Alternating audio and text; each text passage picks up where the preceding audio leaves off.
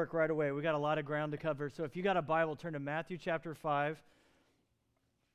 We're going to look at verses 43 through 48.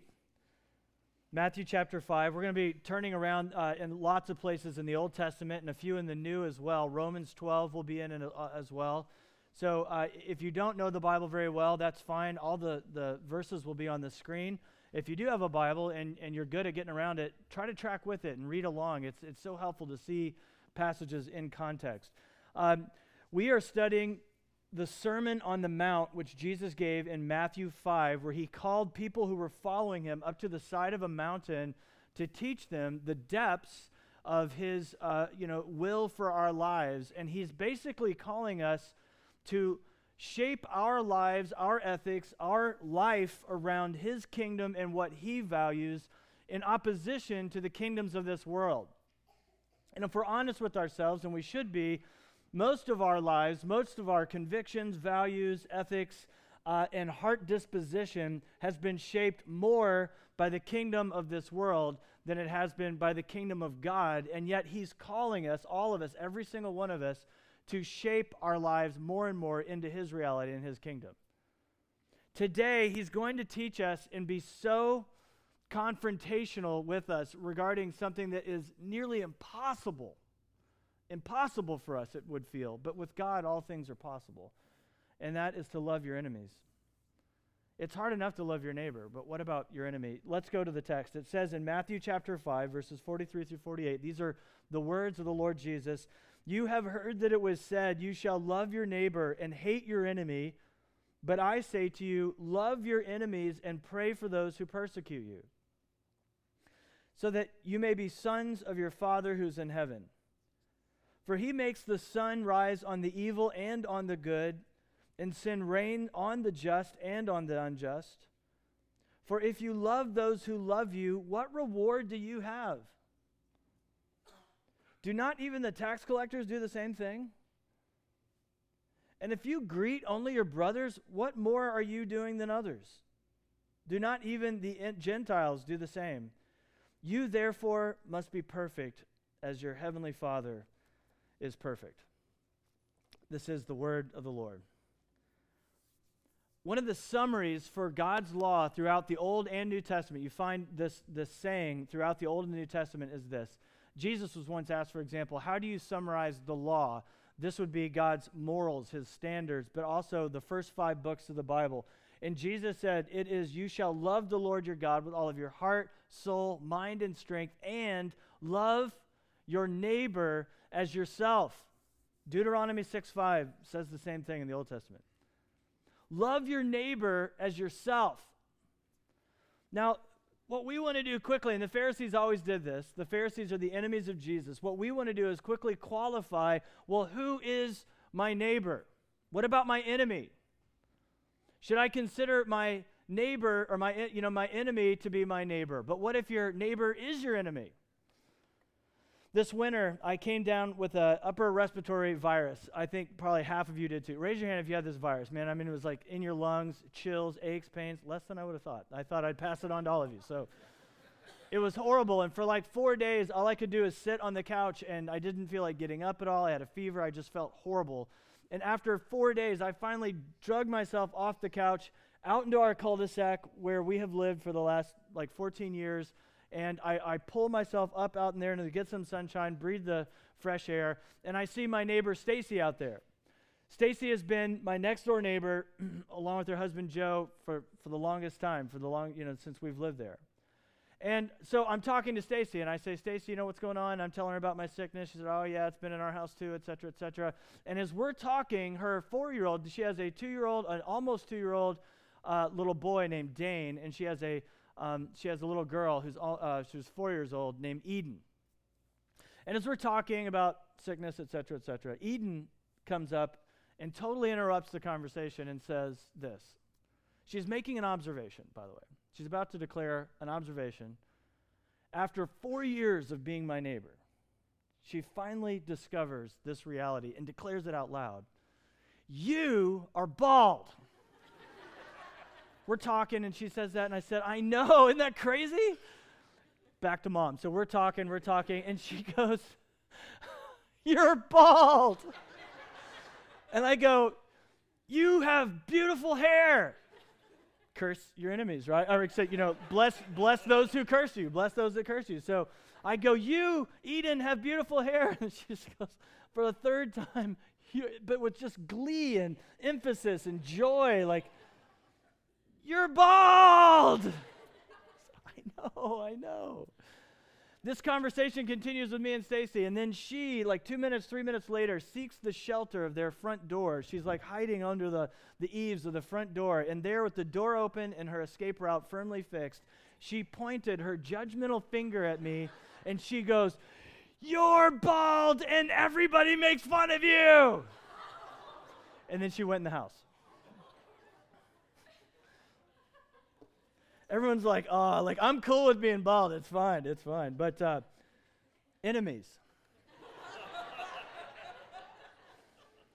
you may or may not have a sworn enemy, but if you don't, chances are good you will never live a life of epic proportions, right? Because every great hero has a great villain that is opposed to them. Peter Pan has Captain Hook. Uh, Sherlock Holmes has Moriarty. Luke has Darth Vader. I have Eden. And all kidding aside now, some of you really do have a person that has negatively shaped your life in such a way that it, it, like your story is shaped by their their their sin against you. Some of you, if I say the word enemy, there's a face that comes to mind. There's a person that comes to mind. There's a voice that comes to mind. And oftentimes it is a person that's been very, very close to you, someone that is a family member or close enough to do great harm. We can hurt one another if we're not close, but the closer you are, the more ability to harm, abuse, and do real pain to one another. A parent, an ex, somebody who betrayed you, lied to you, cheated you in some way, someone who slandered you, somebody who has done great harm. Now, how are the followers of Jesus supposed to react to people that have harmed us, hurt us, abused us?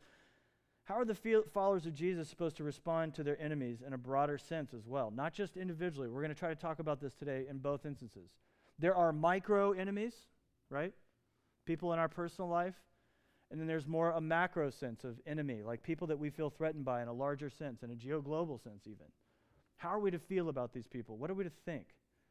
Now, interestingly, if you think about it, the people of Israel had an enemy. As Jesus calls them up, you know what they're thinking in their mind. It's, you've heard it said, love your neighbor, but hate your enemy. And then he goes on to expand on that. You know that what they had in mind, all of them, were the Roman Empire.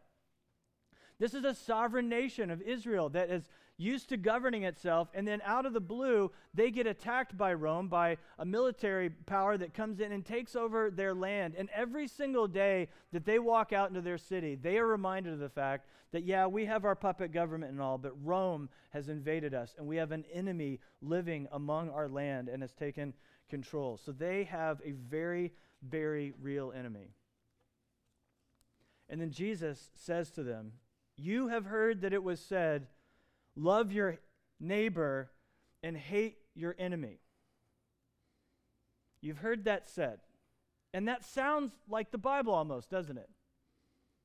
Because this is what the Pharisees had done. By the way, the Pharisees are one of Jesus' enemies. His real enemy is the enemy, Satan himself, but one of his enemies is the Pharisees, who are constantly taking God's word and twisting it in such a way and dumbing it down so that they could keep it more easily. Because you see, when you dumb down God's law to a standard that you can easily keep, now you can feel self righteous opposed to having to have faith in Christ or the Lord for your righteousness. You can feel self righteousness when, when you have dumbed down the law to your standard that you can actually keep. And that's exactly what they have been doing. You have heard that it was said, Love your neighbor and hate your enemy. Where in the Bible does it say to hate your enemy? God's word says, Love your neighbor as you love yourself. They say, You've heard it said, Love your neighbor, but that's easy. Now, love your neighbor as yourself, that's not easy. Love your, no, love your neighbor. That's easier. Love your neighbor as much as you love yourself. Basically, what the Word of God says to the degree that you seek your own good, seek the good of your neighbor. The degree to which you try to seek your own good physically, uh, emotionally, spiritually, like the needs of you and your, your nuclear family, you are supposed to seek the good of other people around you to that same degree. This is literally what the Old and New Testament teach us. But they say, no, love your neighbor, not love your neighbors yourself. They say, love your neighbor. They say, excuse me, God's word says, love your enemy and pray for them. Jesus is reiterating that. In Exodus itself, back in Exodus 23, not just Jesus' words, but in Exodus 23, it says this If you meet your enemy's ox or his donkey going astray, you shall bring it back to him. If you see the donkey of one who hates you lying down under its burden, it's, it's out working in the field and it's, it's fallen down, you shall refrain from leaving your enemy with it. You shall rescue his donkey with him. Your enemy's horse gets out of the barn and is running down the, the street. You don't just say, Good. you return it to him. This is what he's saying. You love your enemy as much as you love yourself. Love your enemy and pray for them. They say, Love your neighbor. The Pharisees say this, and hate your enemy. Love your neighbor and hate your enemy. But God's word says that your neighbor includes the foreigner among you, the sojourner, the immigrant, and the refugee. It says in Le- Leviticus 19 this When a stranger sojourns with you in your land, you shall not do him wrong. Levit- this is Leviticus, people. Have you read Leviticus? Okay, that's an okay, you read it? That's an intense book, right? It's intense. It's all about the law and keeping God's law and being righteous according to the law. And there is some intense stuff there. Leviticus, when a stranger sojourns with you in the land, they, they've happened into your land. There were no clear border guards back then, and like you could wander in and out of different countries. You shall not do him wrong. You shall treat the stranger who sojourns with you as the native among you the foreigner, the alien, the sojourner, somebody who enters into your land who's a foreigner, treat them like a native, like you would one of your own. And you shall love him as what? Yourself. So God's word says your neighbor, but guess what? Your neighbor doesn't just include your fellow Israelites, it also includes those who sojourn among you, the foreigner, the alien. You're supposed to even provide for their physical needs. For then Moses gives us the reason. Why? Why would you do this? Because you were strangers. Because you were strangers in the land of Egypt. I am the Lord your God. You once were sojourners. Do you remember that? You remember when you were worse than sojourners? You were slaves in, in Egypt? And then when you left Egypt, you wandered in the desert and just sojourned in tents, and you were homeless, basically. You were refugees, were you not? In the land wandering around. They say, no, my neighbors are only those people who are like me. They, sh- they share my ethnicity, my race, my religion, my language, my nationality. These are my neighbors, but I can hate that my enemy. My neighbor include everyone that is just like me, that's easy to love, that's my brother, but my neighbor does not include people outside of that comfort zone. But then Jesus amplifies it. He, he takes it so much harder. He says basically this You've heard it said, love your neighbor, but you forgot as much as you love yourself. But I say, but I say to you, love your neighbor as you love yourself, and love your enemy, and pray for those that persecute you. Paul then takes everything Jesus has said and adds this. In Romans 12 14, the Apostle Paul writes, Bless those who persecute you, bless and do not harm them. Do not curse them. Romans 12, 20 through 21. To the contrary, if your enemy is hungry, feed him. If he's thirsty, give him something to drink, for by doing so, you will heap burning coals on him. Do not be overcome, uh, do not be overcome by evil, but overcome evil with good. And what Jesus is offering and calling us into is a vision for how the people of God are to treat their neighbors and their enemies alike. Jesus and, and, and the Apostle Paul, the entire Old and New Testament, is giving us a vision as his followers. And, and remember, what is the point of his, of his Sermon on the Mount? It is to call us to enter more and more into reflecting his kingdom, his values, his calling, and to reject the kingdoms of this world. But I'm going to stop right here and just say this is hard. It's complex, and we always in these moments get a bad case of the yeah buts. Yeah, but you don't know my enemy.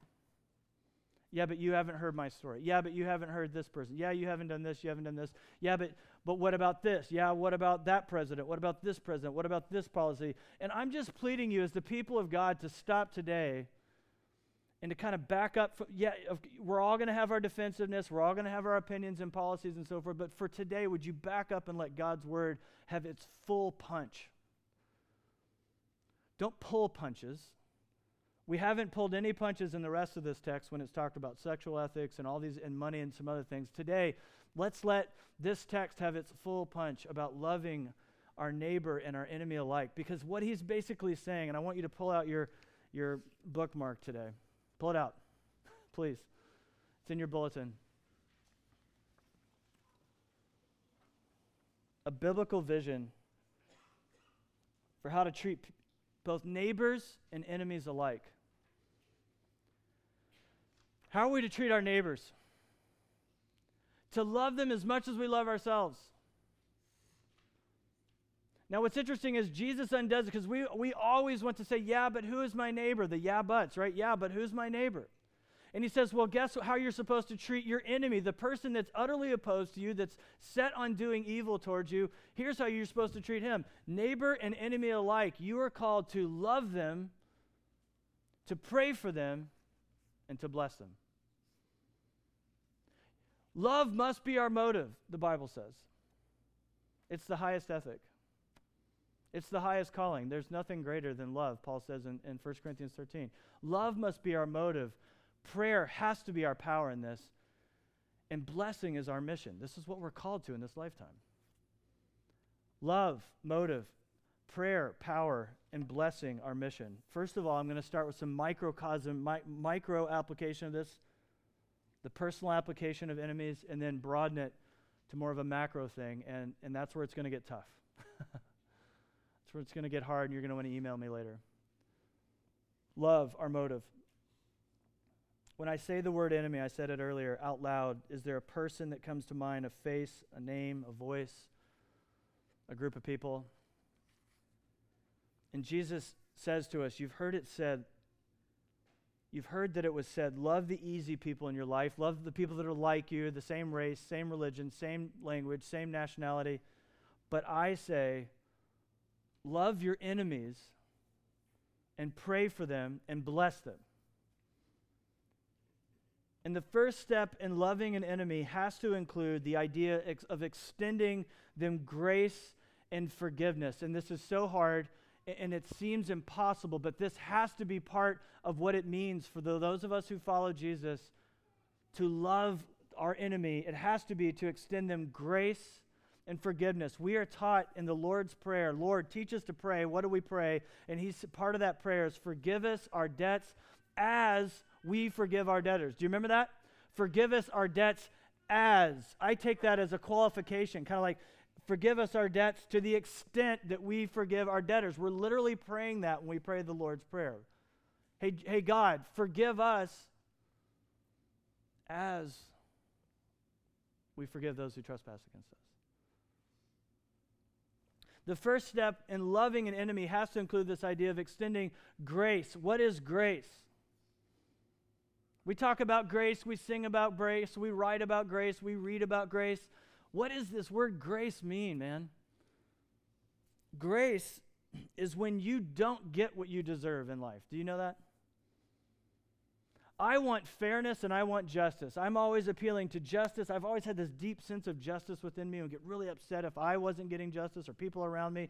But that's a good thing in human relationships. We should seek justice for one another.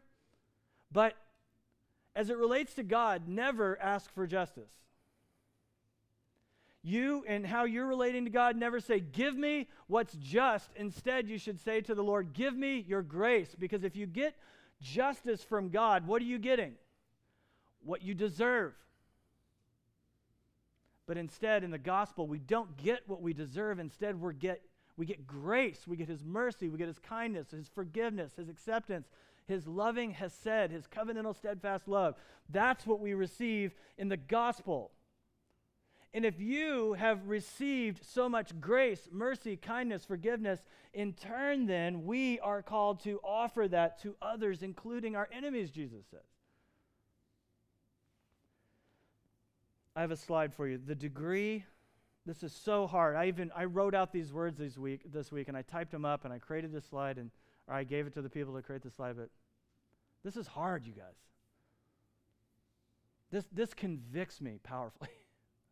the degree to which we forgive those who've sinned against us is a measure of how much we actually believe and are living out the gospel. So hard. Have you received grace from God?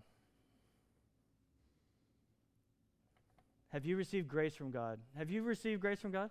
Yeah, thank you. All right, yes. Is it a little grace? I know it's it's such a I know it's like Sunday school for like third graders. I'm sorry. Like, is it a little grace class? No, it's a big grace. You know, uh, Jesus, God, the Bible. Those are the only three answers in Sunday school. Like, uh, what if I told you it's an infinite amount of grace that we've received in Jesus Christ? It's an infinite debt that he's canceled. It's an infinite amount of grace. And then we want to be so miserly and small in our extension of grace. And friends, I know it's difficult. And the greater the harm done against you, especially in a microcosm way, in a personal relationship, how difficult it is. A few things on forgiveness, though, quickly, because this really is not meant to be a sermon on forgiveness so much as love, which is forgiveness. But it's a long process. You may not feel like forgiving somebody immediately. It takes time. It takes the God, it takes time, the Holy Spirit over time. But you keep choosing to pay that debt down. You keep choosing to pay the debt. And the other thing is this it's not continuing to submit yourself to abuse, for example. I know Jesus says turn the other cheek. I, I don't have time to explain why I would say that doesn't mean like in a personal relationship you just keep uh, submitting to abuse. Third, uh, forgiveness it, it does not include abuse. What, what was the third point? Third point, I can't remember. Let's keep moving on. We extend grace to people and we offer forgiveness because God first loved us while we were still enemies of His. Because God first loved us when we were His en- enemies, our main ethic and our motive has to be love and the extension of grace towards, towards people, even our enemies. It's a heroic thing to do, but it's our calling. And prayer must be our power. As I hear these words of Jesus saying, You should love your enemies and pray for those that persecute you, I think to myself, Oh, how could I possibly do that? How could my friends in this church, my brothers and sisters, possibly do that? How could people throughout history possibly have done that? It's impossible with us, is it not? But with God, all things are possible, and it is through the power of prayer, I believe, that this ethic can be worked more and more into our life as we pray that the Holy Spirit would soften our hearts towards our enemies. And as we pray for our enemies and pray that God would grant his kindness to them and change and soften their hearts, it's amazing the love that can grow in your heart for your enemy. I find it so difficult to hate someone and hold on to bitterness when I'm praying for that person. When I'm praying that God will soften my heart and I'm praying that God will soften their heart, I find it so difficult to remain bitter and hard hearted towards them. Thirdly, bless. Blessing is our mission. In Romans 12 21, Paul says to overcome evil with good. The word overcome is a military word and it means to overpower. We are to overpower evil, not with evil, but with good. Everything in the kingdom of this world says overcome evil with what? With evil. You overcome military might with more military might. You overcome cursing with more cursing. You overcome a punch with a greater punch. You, you overcome evil with evil. But Jesus says, overcome evil with good, you overpower it with righteousness. In jail, Martin Luther King was working on a sermon on this passage. And while he sat in jail, while his people and they were protesting in nonviolent ways, and he was preaching nonviolence and telling them, We will we'll expose the enemy of the, or the, the, the South and their sins by our nonviolence. We cannot take up arms. We cannot revolt. We, can, we have to just, we continue to absorb the pain and the suffering that they're giving us. And he sat in jail and he wrote these words Why should we love our enemies? The first reason is obvious returning hate for hate multiplies hate. Returning hate multiplies it, it adds to it, adding deeper darkness to a night already devoid of stars. Darkness cannot drive out darkness. Only light can do that. Hate cannot drive out hate. Only love can do that. Hate multiplies hate. Violence multiplies violence. And toughness multiplies toughness in a descending spiral of destruction. And then he wrote later in the letter to, from a Birmingham jail to the evangelical pastors in Birmingham and Alabama in the South. And he did not call them to believe their Bible less, he called them to believe it more. And he kept appealing to the gospel to say, Believe what you believe, teach what you teach. Oh, oh, preachers in the South, believe what you say you believe. Enter more into your Christianity, not less. Because you can't believe the gospel and stay steadfast in your racism and hatred towards other people. You can't persist in that if you actually follow Jesus. He says this bless and do not curse, Paul does. And blessing is the act of literally saying words of divine uh, blessing over somebody's. Bless, it's to declare good towards them. Paul is talking about the words we choose regarding people who've hurt us versus cursing. He's contrasting blessing and cursing. When you understand the fact that you deserve God's curse, but instead have received his divine blessing because of grace, you can't help but then in turn to love and not hate, and pray and not harbor bitterness, and bless and not curse. Some gospel application. The Sermon on the Mount is where Jesus is calling us to let his kingdom shape us more and more and more. And he has been so intensely applying this to us where it hurts. He's already called us adulterers, every one of us in this room. If any of you have had lust after a man or woman that's, you know, in your heart, you, you're guilty of adultery. He's already said that we're all murderers. If any of you has anger in your heart towards your brother or your sister, you are guilty of murder. You have a heart of murder. And now he's calling us to this impossible ethic of loving your enemy. It's hard enough to love your neighbors, yourself. And he's now saying, Love your enemy, bless them, do not curse them, as Paul says, and pray for them. And then he has to go and say this if you only love those who love you, you have no reward. Even tax collectors do this. The tax collectors were the most despised people in all of Israel. They were, they were sellouts. They had, they had worked for the Roman Empire to raise taxes for the Roman Empire against their own people. They were traitors and they were despised by the people of Israel. Jesus says, if you only greet your brother, people just like you, you're no different than the Gentiles. They hated two groups of people so much, the Israelites did tax collectors and Gentiles. And he's saying, You're no better. If you only greet those that are like you, if you only love those that are like you. And then he has to get even more intense. He says, Be perfect as your heavenly Father is perfect. Now, what does he mean by that? I don't have time to get into all the application of that because does that mean that I have to be perfect to enter heaven? No, it's we're justified and saved by grace through faith and so forth. But what I take this to mean when he says be perfect as your heavenly Father is perfect, he is saying, I'm not kidding about this. When I tell you to love your enemies, pray for those who persecute you, and bless them, not curse them, I'm not messing around. I mean that my people should live this way. You should be defined and shaped by the kingdom of God, not the kingdoms of this world where hatred, division, envy, and so forth, these come easy. My people will walk this way, and I'm not kidding. The issues that we face as a nation in this very moment of our history are complex. If we sit down and try to talk out the details of policy and whether this should be done or this or this or this, there's going to be a lot of disagreement among this room. And this things where we're going right now in this sermon is probably going to rub many of us the wrong way. But the issues are complex, the challenges are real, there are risks. But we need to be loving to all neighbors, prioritizing both security, right? We can't say, no, we're not going to worry about security for our nation at all. That would be unloving to the neighbors that we have in this nation. So, security is a priority. But another, another priority has to be hospitality and extending compassion to the poor, the persecuted, and the displaced. It has to be. As we think about the way Jesus defines neighbor, he's not talking simply about United States citizens. You know that, right? He's not.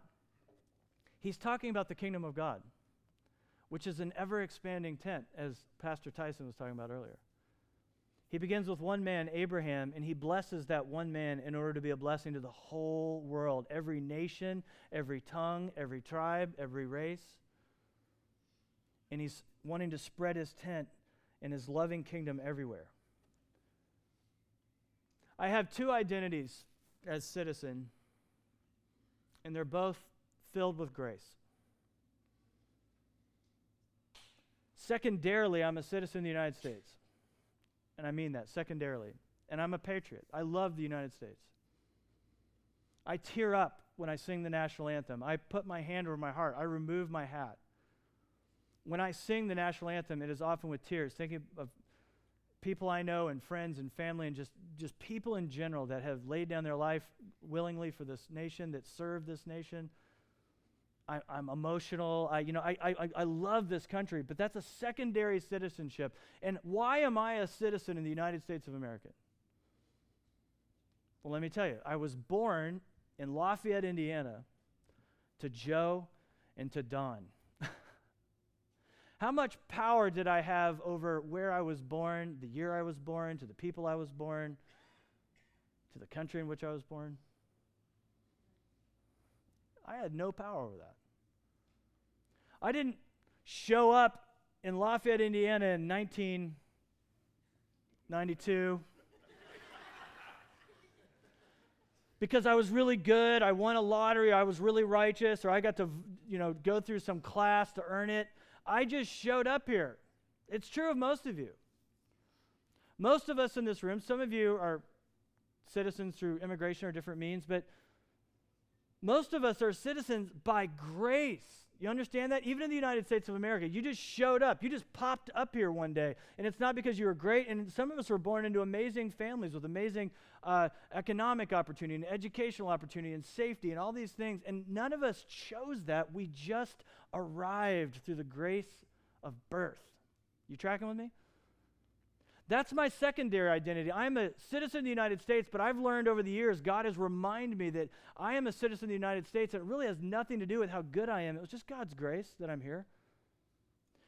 But my primary identity is a citizen of the kingdom of God. And you should be saying, Amen.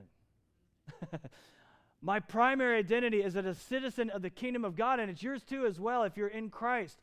And that is if being a citizen of the United States is grace, how much more so is being a citizen of the kingdom of God, all of grace? I don't deserve citizenship in the kingdom of God. I would even call myself an illegal alien into the citizenship of the kingdom of God, except it's not illegal because it's on the basis of Jesus Christ and his righteousness and his life and his death and his resurrection, his a loving, gracious, electing love of me.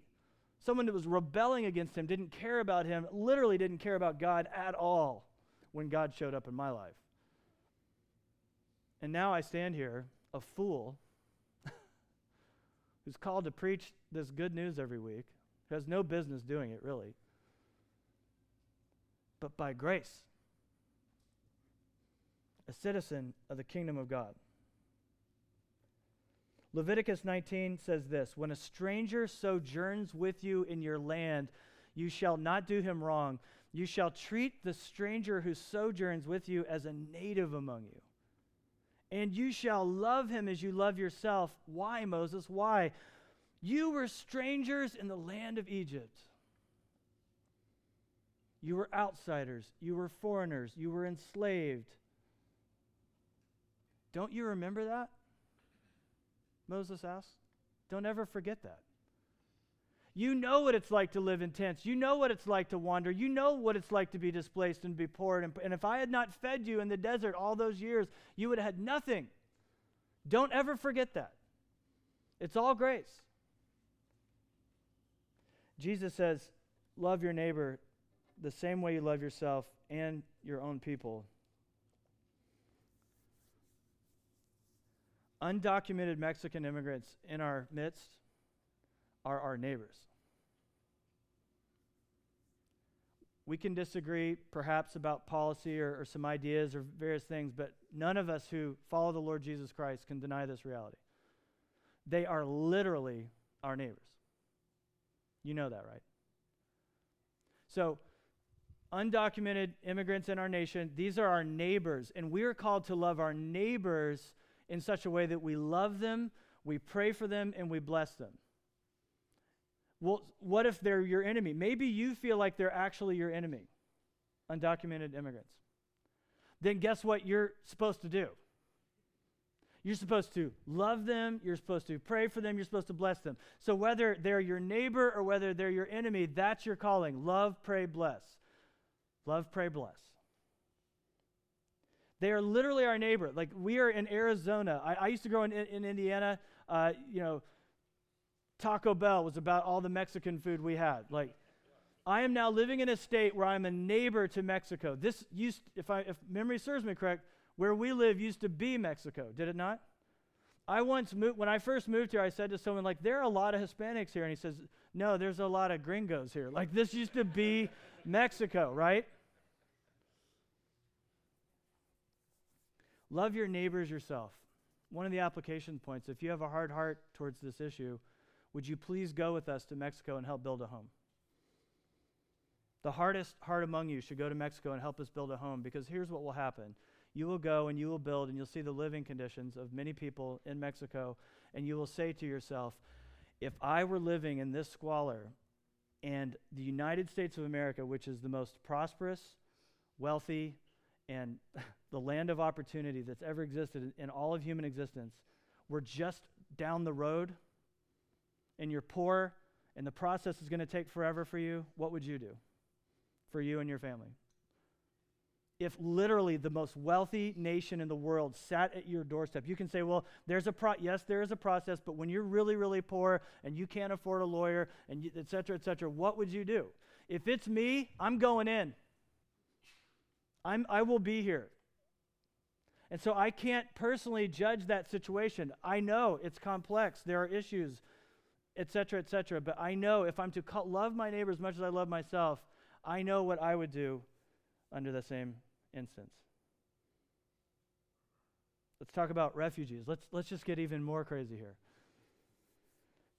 Refugees from countries that are from majority Muslim nations right now is a huge topic. How are the followers of Jesus supposed to respond? First, again, let's admit this is complex. There are real risks but know this this is a fact. Since 1980, when the Refugee Act was signed into law, there have been 3 million refugees admitted in the United States, and there's not been one single American life taken in a, in a terrorist attack. 3 million people. And you say, well, but that context is different, and, and ISIS is now existing, and, and Syrians are coming in, and people from the Middle East, and it's easy to infiltrate. It is. It absolutely is. But Jesus didn't say, like, love your enemies, right? And, and, and bless those enemies only if they have no power to harm. Only the powerless enemies, perhaps. And by the way, most, the vast majority of refugees are not enemies. They're not.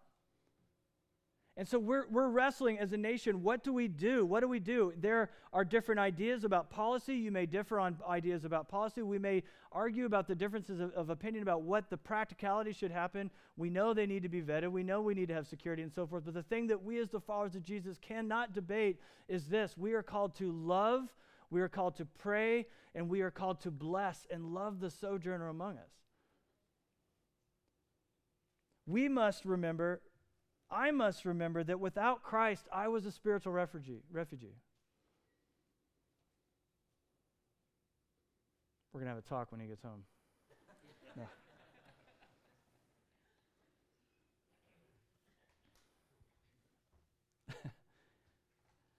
He's really offended apparently by my that's that's my son. So anyway, he'll never come back. All right, we must remember that without Christ, friends, we're spiritual refugees. Ephesians 2 In Christ, you who were once far off have been brought near by the blood of Christ. You were sojourners in the land of Egypt. Romans 5, 8 through 10. But God showed his love for us in this, that while we were still sinners, Christ died for us. Since therefore we've now been justified by his blood, more we shall we be saved by from the wrath of God. For if while we were enemies we were reconciled to God by the death of his Son, how much more now that we are reconciled shall we be saved by his life? We were the enemies of God. We were far from God. We, we were spiritual outsiders. We were spiritual refugees, lost, without a home, but by grace. We can debate some of the details, friends, but I'm concerned about the followers of Jesus in their heart, which does lead to action and policy, by the way. I care mostly about your heart, though. Some of the things I see on social media, some of the things I hear said, should not be said by the followers of Jesus. They should not be said by the followers of Jesus Christ. There's too much animosity, there's too much hatred, there's too much fear, and they should not be said by anyone that declares the name of Jesus Christ as your Lord and Savior. We are citizens of a greater kingdom. You can differ on policy, you can have ideas, but friends, you must love, you must pray, you must bless if you have the desire to enter the kingdom of God. Jesus said this, and he said, So that you may become sons of God, I will add daughters. You must live in this kingdom. You're not earning it, it's because of it. We respond to the grace of God in grace towards one another, not to earn that grace, but because of God's grace in our life. And so, friends, we have to. We have to extend grace, mercy, love, blessing, prayer. Church, you're good at this already. Let's become even better. You're a gracious community. You're a loving community. New Valley, this is our vision. This is our hope that we would become a people, regardless of where we're coming from, that we wrestle with these things. We'd let the full punch of the gospel hit us squarely in the face, no matter what the issue. And that we would change because God is calling us to enter His kingdom, not our kingdom, His enter ours. We're to be shaped by His values, what He loves, what He is about, not the opposite. And so far too much, we take our conviction and then let God shape that a little bit more and more, friends. We must be the people that are shaped by His values, His convictions, not the opposite. Scotty Smith's a pastor in our denomination, and he wrote this beautiful prayer, which I'll close with Father, no matter the nation into which we were born, we were in the faraway land of sin and death when you rescued us and brought us into the gracious country of your heart. We were foreigners to your mercies, strangers to your grace, and rebels to your kingdom. We are citizens of heaven and earth with new birth certificates and a calling to love others as you love us in Jesus. Though the issues are complex, the challenges are real, and the risks are many, free us to welcome foreigners, immigrants, and refugees as you welcome us in the gospel, increase our faith, enlarge our hearts, and supersize our love. Friends, some application is. Look around you, look at the needs around you of your neighbor the poor, the displaced, the, the hungry, the hurt, the broken. Care for them. Maybe the most hard hearted among you should attend this refugee training. I dare you on March 18th, join us for this to hear more about what's happening in the world. We have a humanitarian crisis around the world. We're called to love, we're called to pray, we're called to bless. Let's pray. Father, we thank you and we praise you for the, for the love of your Son, the passion of your heart towards us when we were far from you.